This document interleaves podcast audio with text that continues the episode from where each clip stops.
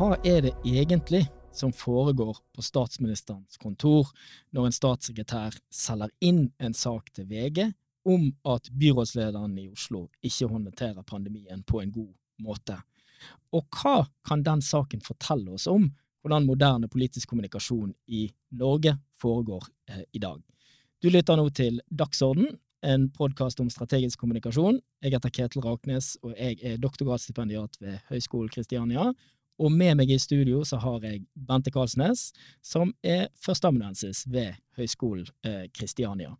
Og i dag så skal vi selvfølgelig snakke litt om Moldegate, eller hva skal vi kalle det, Spin Doctor Gate. Det er mange navn på den saken, men vi skal også snakke litt om hva type valgkamp vi kan få i Norge eh, i år. Men jeg tenkte jeg skulle begynne med deg eh, nå, Bente. Den store snakkisen er jo hva var det egentlig som skjedde her i uh, uken som gikk, med denne saken? Hvilke refleksjoner har du gjort deg om denne mye omtalte saken om uh, Moldegate? Ja, ikke sant. Eh, det her var virkelig en stor snakkis midt i hele pandemien og smitteverntiltakene. Så plutselig ble det fokus på, på noe annet. Men det handler for så vidt om eh, pandemi, det her òg. Eh, for det handler om at Molde-ordføreren gikk ut og kritiserte måten Oslo og Raymond Johansen har håndtert pandemien, og det at en ikke klarer å få ned eh, smittetallene. Eh, og så viser det at eh, han hadde ikke operert helt alene, han har fått hjelp. Mm. Og så kom det også fram at han ikke snakka helt eh, sant mm. eh, i politiske kvarter. Mm. Eh, og så etter hvert så har vi også fått høre hvem han har fått hjelp av, og at han har fått hjelp av eh, statssekretæren på eh, statsministerens kontor, Peder Egseth. Mm. Så det vi var vitne til, det var nå at eh, politisk kommunikasjon og innsalg til mediene ble gjort offentlig. Altså vi, mm. vi så hvordan det foregikk. Mm. Eh, og eh, vi vet nå at du kjenner til hvordan den følelsen pølsa blir fabrikkert. Ja, ja. Mm. Kan du fortelle litt? Altså, hva, hva, vil det si å gjøre et innsalg til mediene? Ja, jeg er jo, som du sier, pensjonert spinndoktor. Uh, og nei, det, jeg, jeg, vil jo bare si at altså, det han Egseth gjorde, er jo helt vanlig. Dette er helt sånn dagligdags, eh, eh, liksom det vi gjør i norsk politikk. Eh, det han gjør, eh, og som veldig ofte skjer, er jo at politikere har eh, masse ting de må tenke på, utrolig mye saker de skal håndtere, så derfor ansetter du da pressesekretærer som på en måte skal ta, liksom, håndtere mediene for deg. Eh, men det handler ikke bare om å svare på henvendelsene fra mediene. Veldig mye handler jo da om hvilke saker har vårt parti lyst til å få ut og da aktivt ta kontakt med redaksjoner. Så folk som Egseth og, og jeg, når jeg hadde sånn lignende eh, jobb, bruker jo veldig mye av hverdagen sin til å snakke med journalister. Og et innsalg er jo når du ringer til en redaksjon og har en tanke om at dette kan bli en nyhet. Mm. Eh, og så er det viktig å huske på at mange av disse, sånn som Egseth og andre, kan journalistikk veldig godt. Så de vet hvilke, og dette er det som vi i medieforskningen kaller for informasjonssubsidier. ikke sant? At mm. For eksempel i dette tilfellet så vet jo man at personkonflikt er fantastisk. Mm. Så, så, når han ringer VG, så vet han at hvis en ordfører går ut og kritiserer Raymond Johansen, så er det rett på VG. VG.no. Ikke sant, at det, det, er godt stoff, for ja. det handler om personer, og det handler om konflikter, og ja, kanskje litt sånn sensasjon midt oppi den konsensusen som det har vært rundt pandemihåndteringa. Ja. Og, og, alt som handler om pandemien, har jo handla om dugnad og fellesskap. ikke sant? Som enhver sånn liten sprekk i denne demningen av enighet der, det vil jo mediene synes er veldig interessant å, å dekke. Mm. Mm. Men du nevnte et ord, så jeg tenkte jeg måtte bare bore litt mer i. ja. Altså, du, du sa spinndoktor. Mm. Og det er et ord som vi kjenner fra en del andre land. Det har ikke vært så masse brukt her i Norge. Og for den som har sett på Borgen, så ja, ja. kjenner vi veldig godt til spinndoktorene. Eh, og jeg sjekka i Norsk Medietidsskrift, der jeg sitter som redaktør sammen med Karoline Ilebeik. Mm. Eh, og jeg, sjekka i Norsk tids, eh, samfunnsvitenskapelig tidsskrift, mm. og det er ingen artikler om spinndoktor. Altså, ha, altså, der er artikler som handler om lignende type funksjoner. Mm. Men, men, hva Altså, er det egentlig et uh, en uh, tittel eller et begrep som er særlig godt etablert i Norge? Nei. Uh, men, men, det er klart, I Norge kaller vi jo dette medierådgivere, kommunikasjonsrådgivere, pressesekretærer, kommunikasjonsrådgivere. Det vil være disse titlene de har på Stortinget eller i, eller i, i, i regjering. Eh, men spinndoktor ble vel brukt, om jeg ikke husker feil, så var det første gang i New York Times i, på 80-tallet. Eh, så, så det, det, spinn betyr jo bare to put a favorable bias on information. Det at du vrir informasjonen mest fordelaktig for deg sjøl. Og det var jo under Reigen på 80-tallet. Da jo, ble jo folk som studerte politisk kommunikasjon, veldig interessert i dette. For Reigen ble jo regna som en veldig sånn the great communicator. Og så kom jo Clinton i 92. Da kom det jo en, en, en, en sånn film som heter War Room, der James Carvel og Paul Bagala var med. Eh, og de ble jo omtalt som spin doctors. Og så kom jo senere Blair. Da kom det jo mange bøker for folk som hadde jobbet med Tony Blair. Blant annet han Alistair Campbell. Mm. Så, så, det er jo liksom det, Dette med spinndoktor, det han hører jo hjemme i USA og Storbritannia. Mm. Det er liksom der det kommer fra. Så det, det begrepet er lite brukt i norsk eh, sammenheng. Men du kan si jobbmessig så, det, så, så, går det ut på det samme. Det går ut på å hjelpe partiet ditt egentlig å fremstå best mulig i mediene. Mm. Eh, eh, og liksom det å hjelpe partilederne å fremstå mest mulig fordelaktig. Det er liksom det som er kjernen i, mm. i jobben. Mm. Og det vi også har sett de siste 20-30 åra, det er nå en profesjonalisering i mm politikken, altså der en har fått nye roller. Altså det at en har en kommunikasjonssjef mm. eh, som, som, da skal eh, bistå særlig partilederen og partiet generelt. Ja. Eh, men eh, hva er grunnen til at vi har sett den eh, profesjonaliseringa og den økninga i kommunikasjonsstaben? Nei, du kan si at litt det som gjør at vi har jobb i dag, er jo at mediene i Norge har fått veldig mye økt makt. Sant? Og det er jo en sånn prosess som når vi foreleser, så snakker vi ofte om medialisering. Altså at andre institusjoner i samfunnet i større grad er nødt til å tilpasse seg mediene sine krav. Eh, og jo sterkere mediene har blitt, jo mer har jo partiene følt behov for å ha folk som har kompetanse på mediene, og hvordan mediene fungerer, og hvordan man skal liksom utnytte det til egen fordel. PR-bransjen er jo et eksempel på det samme. Og, og, og liksom veksten i kommunikasjonsyrket generelt vet vi jo er veldig sterkt kobla til, eh, til, disse tingene. Da. Så da kan du jo si at eh, i Norge så har vi jo sett det at sånne som jeg sett, eh, eh, har blitt liksom de mektigste rådgiverne i sekretariatene, nettopp fordi at partilederne er veldig opptatt av nettopp mediene. De vet hvordan de fremstår i mediene, på en måte er viktig for hvilken, for hvilken oppslutning man, eh, man, får. Men du har jo også liksom eh, Altså, det med sosiale medier og alt det du har sett på. altså Du har jo, du har jo, du har jo sett dette her profesjonaliseringen, hvordan det spiller seg ut. Hvordan vil du si det spiller seg ut i hele det politiske systemet? liksom sånn, Det at folk blir flinkere til det de gjør. Vi ser jo det på kommunikasjonssiden også med sosiale medier, gjør ikke vi det? Absolutt. Og det handler om at uh, en i mange år har jobba veldig uh, bevisst og strategisk med å profesjonalisere uh, mediehåndtering. Mm. Eh, for å kunne tilpasse seg eh, mediene sin rytme og format og språk. Mm. Og en kan gjerne snakke om en eh, medielogikk, mm. eh, som ofte kan eh, krasje litt med det en da kaller en politisk logikk. Mm. Så den politiske logikken handler da om altså, de normene og spillereglene som gjelder politikken, de beslutningsprosessene som mm. gjelder. Mm. Og de kan være ganske forskjellige fra medielogikken. Altså, mens eh, medielogikken tilsier et eh, kort eh, språk med litt sånn eh, store overskrifter, så kan den politiske logikken og det politiske språket være mer omstendelig og detaljert. Mm. Eh, og der kan det gjerne bli en eh, konflikt. Og for kommunikasjonsrådgivere så handler det om eh, Skal jeg bruke et begrep som, som jeg tar fra en av dine tekster? Ehm, at kommunikasjonsrådgivere i partiet skal være mediale tolketjenester. At en skal drive og fortolke da, mellom disse her ulike ja. logikkene. Mm. Eh, sånn at en kan få ut eh, partiet eller partilederen sitt eh, budskap, og nå bestemte velgergrupper. Mm. Men av og til så kan en gå for langt. Og mm. en kan uh, spille i for stor grad på medienes logikk. Altså ja. uh, sensasjon eller provokasjon, mm. som da skaper problemer i partiet. Mm. Tenker du at uh, Peder Egseth hva, hva, hva, slags logikker var det han dro i? Nei, altså du kan si at det er sånn som du sier, at du har to typer logikk. altså Medielogikken, som på en måte er måten mediene tenker på, og så den politiske logikken, som er litt sånn måten politikerne tenker på. Og så er det da å balansere disse her mot hverandre. Jeg tror at følgende har skjedd.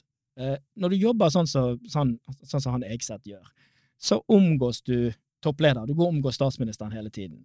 De har jo et liv, disse menneskene. For eksempel da jeg jobbet i SV, så var det av og til at vi satte oss ned etter en partilederdebatt, og så sa vi liksom herregud, så slitsom den og den personen er. Den journalisten er jo bare helt grusom. Eh, vi blir helt jævlig behandlet av Altså, Kristin Halvorsen, for eksempel, kunne jo være veldig Er jo ikke et menneske som hadde problemer med å gi andre brutale karakteristikker. Mm. Sant?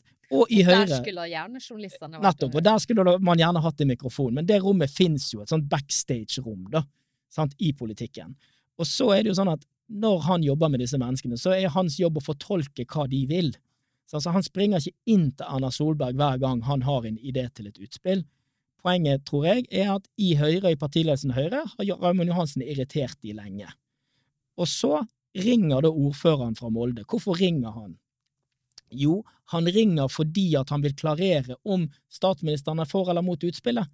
Ikke sant? Det er mm. nettopp derfor han ringer, og da må han svare. Og dette er jo helt standard også, da kan man svare nei, dette syns partiledelsen er en dårlig idé. Han har fått beskjed, partiledelsen syns dette er en kjempeidé. De er også irritert på Raymond Johansen. Så det var jo liksom helt streit. Så er jo problemet at dette gikk veldig galt, for utspillet var jo kjempeupopulært. Hva gjør man da? Jo, da må jeg sette ordføreren under bussen. Jeg, alle som har jobbet i dette, har vært i lignende situasjoner, mm. hvor du sjøl har måttet gå ut og si ting av typen 'dette var min idé', hvor du egentlig vet at alle var enige, men ja. Så, og, og det, det, det, nødvendigvis må det bli sånn.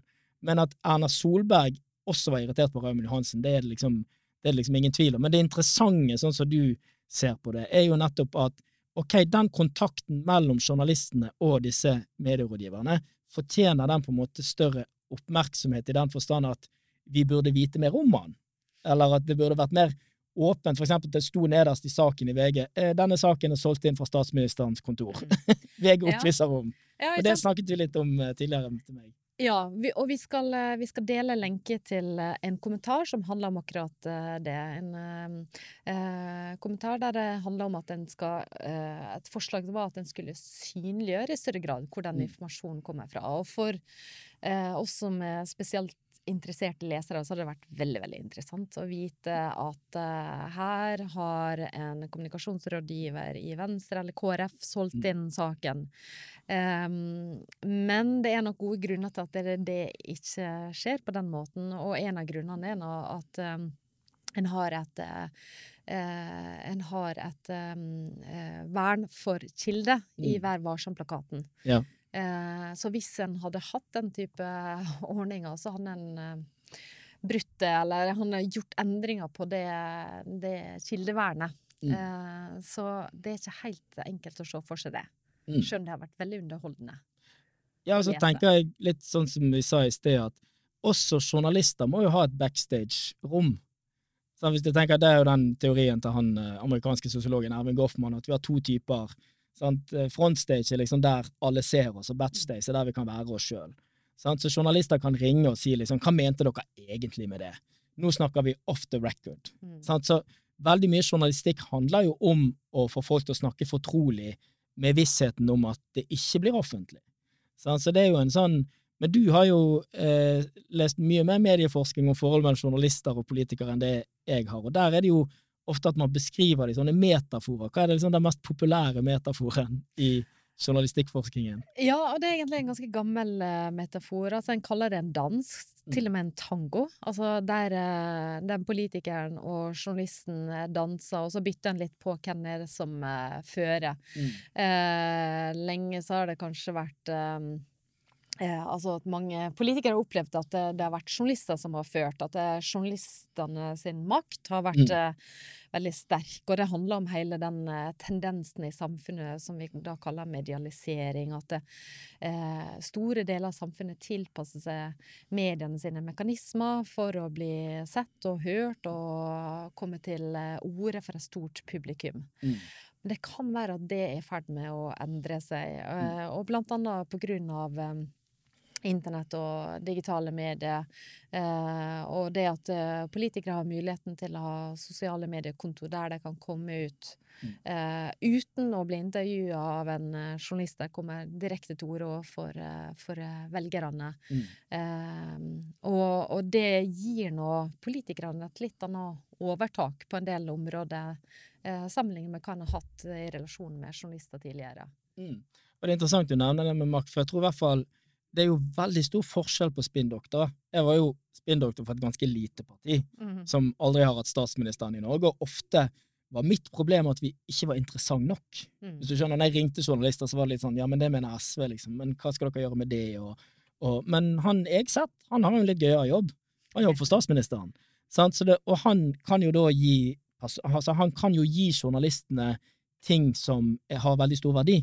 Han kan gi lekkasjer fra statsbudsjettet, han kan gi lekkasjer fra Nasjonal transportplan, han kan gi rapporter om regjeringens indre liv, og han kan også gi deg kanskje et eksklusivt intervju med Erna.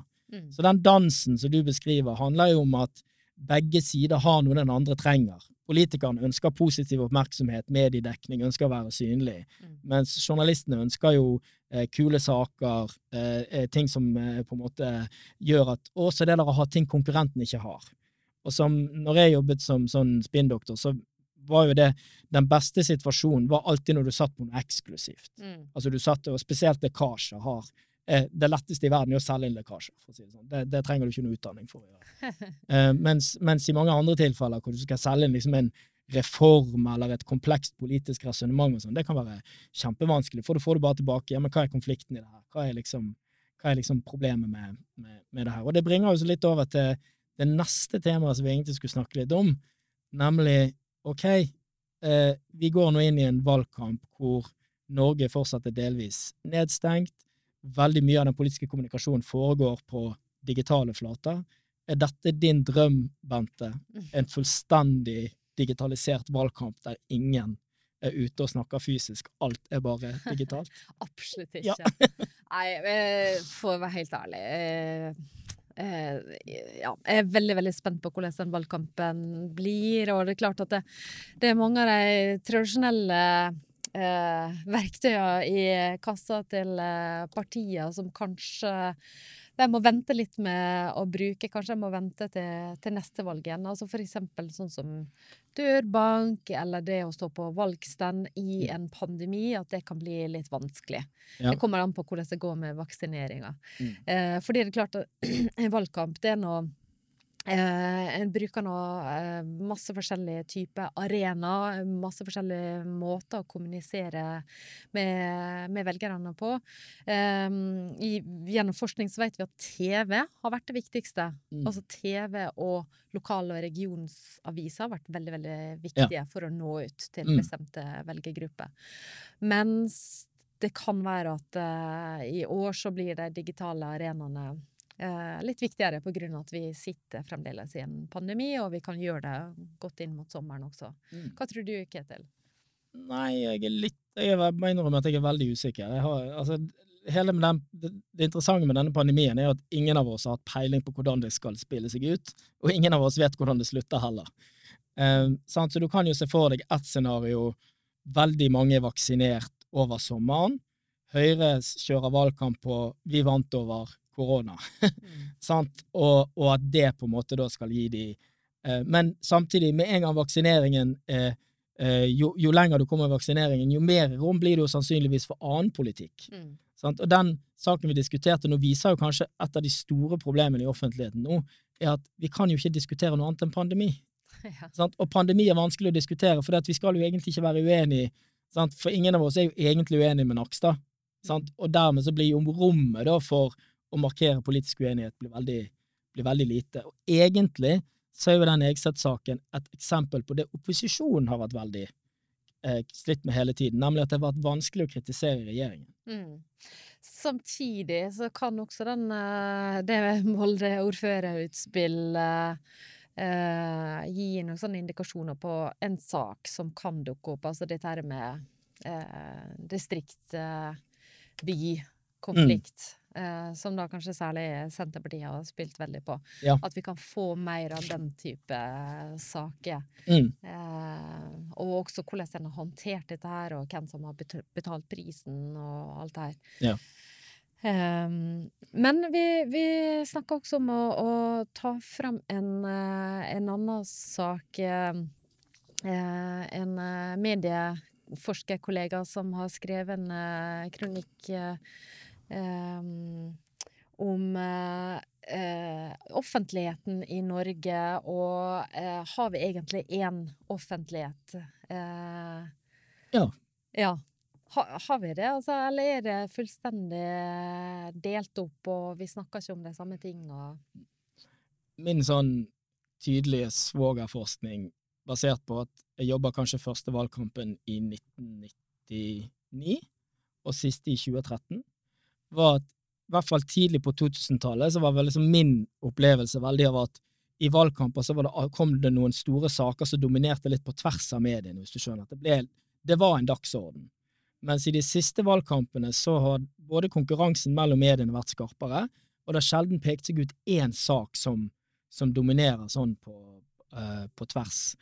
Uh, og der har jo du skrevet mye om i forhold til sosiale medier også, at, at vi er ikke der lenger hvor én sak dominerer, eller liksom vi har en sånn felles, felles offentlighet. Um, så jeg tror at det blir nok en sånn altså, Men jeg er usikker på den valgkampen. Kanskje av den spesielle situasjonen så blir det mer sånn at alle For eksempel ta, ta TV-debattene. Da blir det sånn at én million ser TV-debattene nå fordi at det ikke skjer så mye annet. Eller jeg vet ikke, hva, hva, er din, hva er din take på dette her med om koronaen gjør oss mer til én type offentlighet, eller om det bare blir masse sånne deloffentligheter? Ja, um, det er klart at en del av de fellesarenaene, eksempel ehm, eh, våre store TV-kanaler, TV 2 og NRK, eh, at eh, de når ikke fullt så mange på en del, altså Mm. typ som Dagsrevyen eller nyhetssendingene, og kanskje særlig de, Mm. eh, de yngste, at det er vanskelig å skulle nå dem på de eh, arenaene. Eh, samtidig så er det en del av disse store debattsendingene i valgkampen som får et stort eh, publikum. Ja. Eh, men en annen tendens vi også ser, det er at folk bestemmer seg Eh, både, altså en del som forhåndsstemmer, bestemmer seg før, samtidig som at det er en del som vel, venter til ganske seint og bytter valg. Så velgerne er mer eh, ustabile, mer uforutsigbare enn hva de har vært tidligere. Så det betyr nå at det, den her eh, lange valgkampen er ganske viktig. Altså En snakker gjerne om en lang og en kort valgkamp i Norge. En lang valgkamp som er eh, seks måneder før valget, og en kort valgkamp som er den Ja. siste, siste måneden. Um, så en skal ikke kimse av den lange valgkampen, for det er da en setter en del av de store debattene. Og, og den innramminga som Ja. vi, vi har snakka litt om, altså dette med hvordan vi skal forklare hva er de store problemene, og hva er de potensielle løsningene for det. Ja. Så det som skjer akkurat nå, er veldig viktig for hvordan vi som velgere Mm. kan oppfatte situasjonen. Og når vi skulle lage den, når vi kom fram til at Dagsorden var et veldig godt navn på denne podkasten, så var jo det litt fordi at vi mente at kampen om dagsorden er liksom viktig og betyr mye. Um, og når han Henry Wahl skulle oppsummere norsk valgforskning gjennom 40 år, så sa han at norske, norske valgkamper har gått fra klassekamp til kamp om dagsorden. Og det var interessant det du sa. Kunne du bare Hva mener han med det? Altså, hva er det som ligger i det utsagnet i forhold til at kamp om dagsorden har blitt viktigere i norske, i norske valgkamper? Ja, og det handler nå om at det er veldig masse av um, det som skjer i Norge, skjer medialisert, eller det Mm. skjer via mediene. Det skjer via avisene, eh, radio, TV, eh, sosiale medier. Så det å kunne nå fram og bli hørt og bli synlig der, er veldig Mm. viktig. Mm. Um, men, eh, men det er klart at uh, partier har da nye muligheter til å sette den dagsordenen ved å kunne ha livesendinger på Facebook eller gå på Clubhouse, sånn som en del, Ja. en del gjør. Ja. Gjør du det, Ketil? Nei, jeg, jeg, Jeg jeg har jo logget meg på en gang, og jeg har ikke klart å være inne på noe. Nei, Nei, for du har bare gitt opp. Nei, altså, jeg, for, jeg følte meg bare veldig gammel med en gang jeg slo det på. Men har du vært mye på Clubhouse? Nei, jeg har testa det ut. Um, Men det er klart, eh, for uh, i, i, midt under koronaen, der vi har få um, f.eks. debattmøte, en har få fysiske møteplasser, så, mm. så, kan en arena som Clubhouse være ganske interessant. Mm. Eh, og en kan nå eh, ganske sånn smalt og målretta publikum. Så, jeg, mm. så, i en del anledninger så kan faktisk det være nyttig også i, i valgkampen. Mm for å nå helt bestemte grupper. Mm. Men tenker du, altså hvis du tenker på valgkampen, og du sa det der med ok, dagsorden er viktig, og da kommer jo en annen teori inn i bildet også, nemlig teorien om sakseierskap. Mm. Ikke sant? Og hvis du skulle gitt en vurdering, hvem hvis du tenker på hva partiene har sakseierskap på, og liksom hvordan dagsorden ligger nå, mm. hva partier er da godt posisjonert eller dårlig posisjonert for å gjøre en god valgkamp? sånn som du ser det til høsten? Ja, og det er kjempeinteressant uh, å tenke på det. For hvis en ser tilbake på valget i 2017, så vant det innvandring som var velgerne sin viktigste sak. Når en så i spørreundersøkelsen som de gjorde på Institutt for samfunnsforskning, så kom den høyest opp. Og vi vet hva parti som uh, bruker å lokke velgerne. Der er det Frp.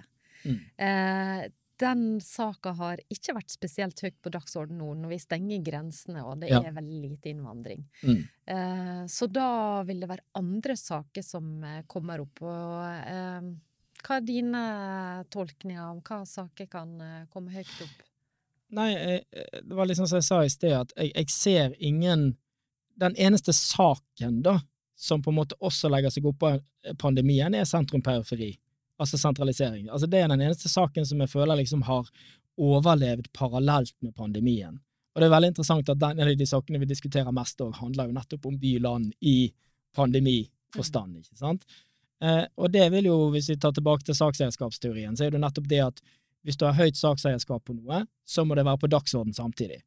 Og når folk snakker om den saken du er god på, da går det bra for deg. Og det vil jo være forklaringen som går bra for Senterpartiet nå. Mm. Ikke sant? At så lenge på en måte denne Eh, eh, distriktspolitikken og liksom eh, den på en måte holder seg inne i diskusjonen, så vil de være naturlig eh, i alle debatter. Eh, og så ser jeg liksom for MDG altså du kan si For disse nye saksområdene, miljø og innvandring, sånn som du nevnte, mm. så ser det litt mørkere ut. Fordi at pandemien har jo liksom fortrengt eh, litt miljøsaken også. Mm. At nå er folk opptatt av trygghet og økonomi og arbeidsplasser. Um, og det burde i utgangspunktet da tjene litt for, for Arbeiderpartiet, men jeg tror at veldig mange spinndoktorer på Stortinget er veldig frustrert eh, og syns det er vanskelig. Jeg tror de syns det er vanskelig nå å planlegge for en valgkamp hvor man ikke helt ser mm. hva bildet vil, vil være. Og så er det sånn som du sa i sted, liksom, uventede ting har jo en tendens til å skje i en. Skje i en valgkamp. ikke sant? Så, Men ja. en, eller et tema som ja. burde eh, egentlig komme høyt opp, men som ikke nødvendigvis er en velgermagnet, er nå beredskap. Ja. ja, ja. altså så veldig sånn traust og mm. ja, kanskje litt kjedelig, men som er utrolig viktig, og som ja. har vist seg altså at eh, det å Selv om vi har hatt rapporter på rapporter om at en av de største truslene for Norge er en pandemi, Mm. Eh, og likevel så kan det skorte på beredskapen, f.eks. når det gjelder smittevernutstyr og mm. eh, ymse utstyr på, på sykehusene. Mm. Tror du at beredskap kan bli en eh, sak som kan flytte velgere? Nei, det tror jeg aldri. Hvorfor det? Fordi at Og der kan man jo bare Altså, på grunn av medialisering, da, som vi diskuterte i sted, så er det visse typer saker som aldri kommer til å bli store, blant annet forebygging. Sant? Altså det å, for eksempel det å forhindre noe dumt, for du får ikke liksom eh, eh, Høyre forhindret noe dumt for å skje. sant? Altså, se for deg overskriften. Fordi mediene må naturlig fokusere på det som på en måte gir konflikt, det som er katastrofe, og det som går dårlig. Eh, og det å forhindre, og det er jo, dette er jo et dilemma partiene har. Mange av partienes forslag handler jo nettopp om å forebygge farer og forhindre dumme ting å skje, og si at hvis ikke vi gjør sånn, så kan det gå veldig dårlig. Sånn, mens medienes, og det er jo litt av grunnen til at politikere er ofte veldig i konflikt med mediene, nettopp de føler at mediene har fokuset på feil sted. At de ikke forstår at politikerne faktisk prøver å ordne opp i en del kompliserte ting, som ikke nødvendigvis utgjør veldig spennende nyhetsstoff, men som egentlig er det viktigste. Så der, og der tror jeg liksom det der med beredskap er nok liksom det ultimate eksempelet på at medielogikken og den politiske logikken passer på en måte veldig dårlig sammen. Mm. At hvis du vil ha et samfunn med høy grad av beredskap, så må du også ha en offentlig debatt som prioriterer det og belønner folk for det. da. Jeg vet ikke hva du tenker om det? Jo, for det eksempel beredskap handler gjerne om prosess, og at en, eh, at en eh, gjør investeringer som en kanskje ikke ser verdien av før langt, langt fram i tid. Kanskje vi aldri ser verdien av det hvis ikke krisa inntreffer. Og allerede her har jo VGs politiske redaksjon i ferd med å sovne. Sånn, Hvis du skal ringe ned og sånn Ja, vi selger inn en sak om beredskap. Ja, hva da? Nei, vi skal lage et sånt beredskapssenter, og så skal vi ha mer ledertrening, og så skal vi forbedre ting i politiet. Altså, så du skjønner liksom at Ja, jeg har prøvd. Du har prøvd. Believe me. Okay. Altså, har, nei, men altså, det å selge inn Dette vet alle som har jobbet kommunikasjon. Det å selge inn sånne tunge prosess-policy-saker er blytungt. Med mindre du ikke får en journalist som er veldig interessert i temaet, og du kan liksom case det opp med personlige eksempler, og liksom at du kan bygge det rundt en, liksom et narrativ, Mm. eh, så, så er det veldig vanskelig. Og, og det er jo veldig interessant nå at eh, fortsatt så kommer det jo rapporter på at beredskapen i Norge er helt elendig. Mm. Mm. Det, det er litt interessant, men det betyr jo at politikerne i liten grad straffes for det, og den offentlige debatten om, rundt beredskapen åpenbart ikke fungerer. Men Ketil, vi må runde av. Eh, og vi har snakka en del om eh, når spillet blir synlig, og når vi ser hvordan pølser blir lagd i politikkfabrikken. Ja. Da må vi ha med noen juicy detaljer på slutten. Kan du fortelle om en gang der ting ble synlig som ikke skulle være synlig, i ditt eh, innsalgsarbeid eller i ditt påvirkningsarbeid som eh, spinndoktor? Jeg gjorde jo ingen feil, Bente. Selvfølgelig. Jeg skjønner ikke hvordan du kan spørre om det. Nei, det verste var jo Det var liksom Det var en gang vi hadde et sånt lite utvalg som skulle da lage et notat om skatteøkninger, altså mulige skatter vi kunne øke. Og da hadde jo jeg lagd et tilleggsnotat om hvordan dette skulle selges inn. Eh, og der sto det sånne ting som at liksom hvis du satte sånn, hvis du vil gi mer penger til de, økt skatter for å gi mer til de eldre, det er kjempepopulært, sant, men vi skulle gi det til flyktninger, så du, altså du må frame det riktig. Mm -hmm. Så vi hadde et sånt slagord fra banker til barn, at vi skulle ta fra de exit-gutta. sant? De skal betale skatt, for at små barn, uskyldige barn, skal få pengene. Så jeg, jeg lagde sånne sant? for å vise liksom, hvordan dette skulle Poenget var at det var jo en eller annen som klarte å glemme dette notatet på et møterom på Stortinget, og så det noen som har gitt det til Dagens Næringsliv. Og det var worst day in my job ever.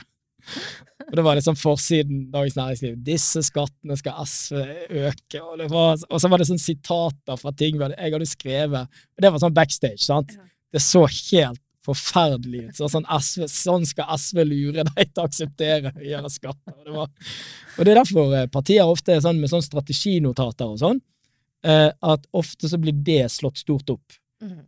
Mens det er jo helt naturlig i en bedrift, eller en virksomhet, så har du jo sånn hva skal vi gjøre hvis A og B og sånne ting. Men det har jo litt med det vi snakket om, at, at pølsepolitikkdebatten, ikke sant, at, eh, at, at det liksom det, det vi får presentert, ser ofte litt bedre ut enn det vi, det vi faktisk har. Men du har jo jobbet som journalist eh, en del, eh, Bente. Ja, Hva er dine worst case scenario for hva Altså, for det jo, Den den andre siden er jo at journalister av og til kan gå langt i forhold til politikere. Eh, Og at journalister kan presse sakene sine for, for langt. Ja, nei, og jeg jobber nå eh, gjerne med lengre saker, og jeg hadde Jeg var, var kanskje ikke så nært eh, akkurat på de be- detaljene, men det er klart, hvis du feilsiterer eller misforstår noe, så Ja. kan det bli ganske ille. Mm. Men uh, jeg tror vi kan runde av med at det, det er ikke et vakkert syn når vi ser hvordan den pølsa blir laget. Jeg syns det, det er nydelig og velsmakende pølse. Og, og, og jeg tenker at det vi Altså den, den diskusjonen som, som du dro opp og sånn òg, at, at faktisk det at de som jobber bak, på baksiden i politikken, at de snakker mer om det og forklarer mer om det, det tror jeg er veldig tror jeg er veldig bra. For det er jo ikke noe sånn Det er jo ingenting av dette er jo korrupt eller ulovlig eller noen ting sånt. Eh, Så jeg tenker at det er litt sånn at, at vi har en offentlighet som er uvant med å diskutere hvordan makt faktisk utøves, da. Så jeg syns det er litt sånn, litt sånn umodent over hele den debatten òg. Liksom, åh, han ringte VG! Mm. Som om det er liksom shocking news. Det gjør jo folk hver eneste dag. Mm. Så jeg tenker at det, det er liksom betegnende for at vi har en litt sånn naiv diskusjon om, om politikk og makt i, i Norge. Men til slutt, vi har jo alltid en bokanbefaling. Eh, og jeg lurer jo på, har du lest noe siden sist? Og har du tenkt på noe du vil anbefale folk å lese? Ja, vet du hva. Um, jeg skal eh, legge ved et par artikler. Ehm, som jeg nevnte, altså jeg måtte gjøre noen søk i et par eh, relevante norske tidsskrift om uh, begrepet spinndoktor. Mm. Uh, og jeg kunne ikke finne noe. Men jeg fant et uh, Jeg vet om et par andre artikler som er tilnærma, som handler om politisk logikk og medielogikk. Blant annet en artikkel om, som er skrevet av eh, Gunn Enli, Mm. eh, som handler om den konflikten som kan oppstå rundt disse her eh, logikkene. Så den Mm. skal jeg dele. Em, og så er det en eh, artikkel jeg tenkte skulle dele. Det er fra Norsk eh, samfunnsvitenskapelig tidsskrift. Eh, som er skrevet av Kristoffer Koltveit og eh, Tine Ustad Figenschou om hvordan eh, kommunikasjonsrådgivere i departementer jobber. Som er veldig interessant i forbindelse med denne saka her. Men hva som er interessant med akkurat det med kommunikasjonsrådgiverne i departementene? Ja, for de har da en litt uh, spesiell rolle, for de er ikke politisk utpekt. Mm. eh, samtidig som at de gjør en veldig viktig kommunikasjonsjobb for Mm. politikerne. Mm. Så det er hele tida en litt sånn her uh, Ja, interessant diskusjon og, og beslutninger de må ta. Hvor langt skal en gå inn i politikken versus det å skulle være en eh, mer sånn distansert, byråkratisk kommunikasjonsrådgiver. Mm. Og da er det nettopp det der med uh, at de egentlig skal være uavhengige, Mm. men samtidig når du jobber for politikere, så kan det bli krevende, for de har lyst til å bli sett, og de vil ha saker på trykk, og, Mm. og, og hele den dimensjonen der. Og du, da? Nei, jeg tenkte at jeg skulle gå tilbake til uh, mine gamle glansdager. Da gikk jeg rundt på partikontoret til SV med en bok som het Buck Up, Suck Up and Come Back When You Foul Up, som var skrevet av James Carville og Paul Begala. som var, det var sånn 12 Winning Secrets from the War Room. Eh, men den er fortsatt en av mine sånn favorittbøker når det gjelder spinn og politisk strategi. Mhm. For den har liksom sånn, den har tolv sånne regler, og så er det masse sånne gøye anekdoter. Uh, og veldig morsomt, uh, veldig morsomt skrevet. Så hvis, uh, for de som har lyst til å få et sånn enkelt innblikk i politisk strategi på bakrommet, så, så vil jeg anbefale den. Nydelig. eh, Og nå eh, er det bare å glede seg til valgkampen. Ja. Eh, for da kan eh, alle kommunikasjonsrådgivere lese den. Supert. Takk for nå. Takk for nå.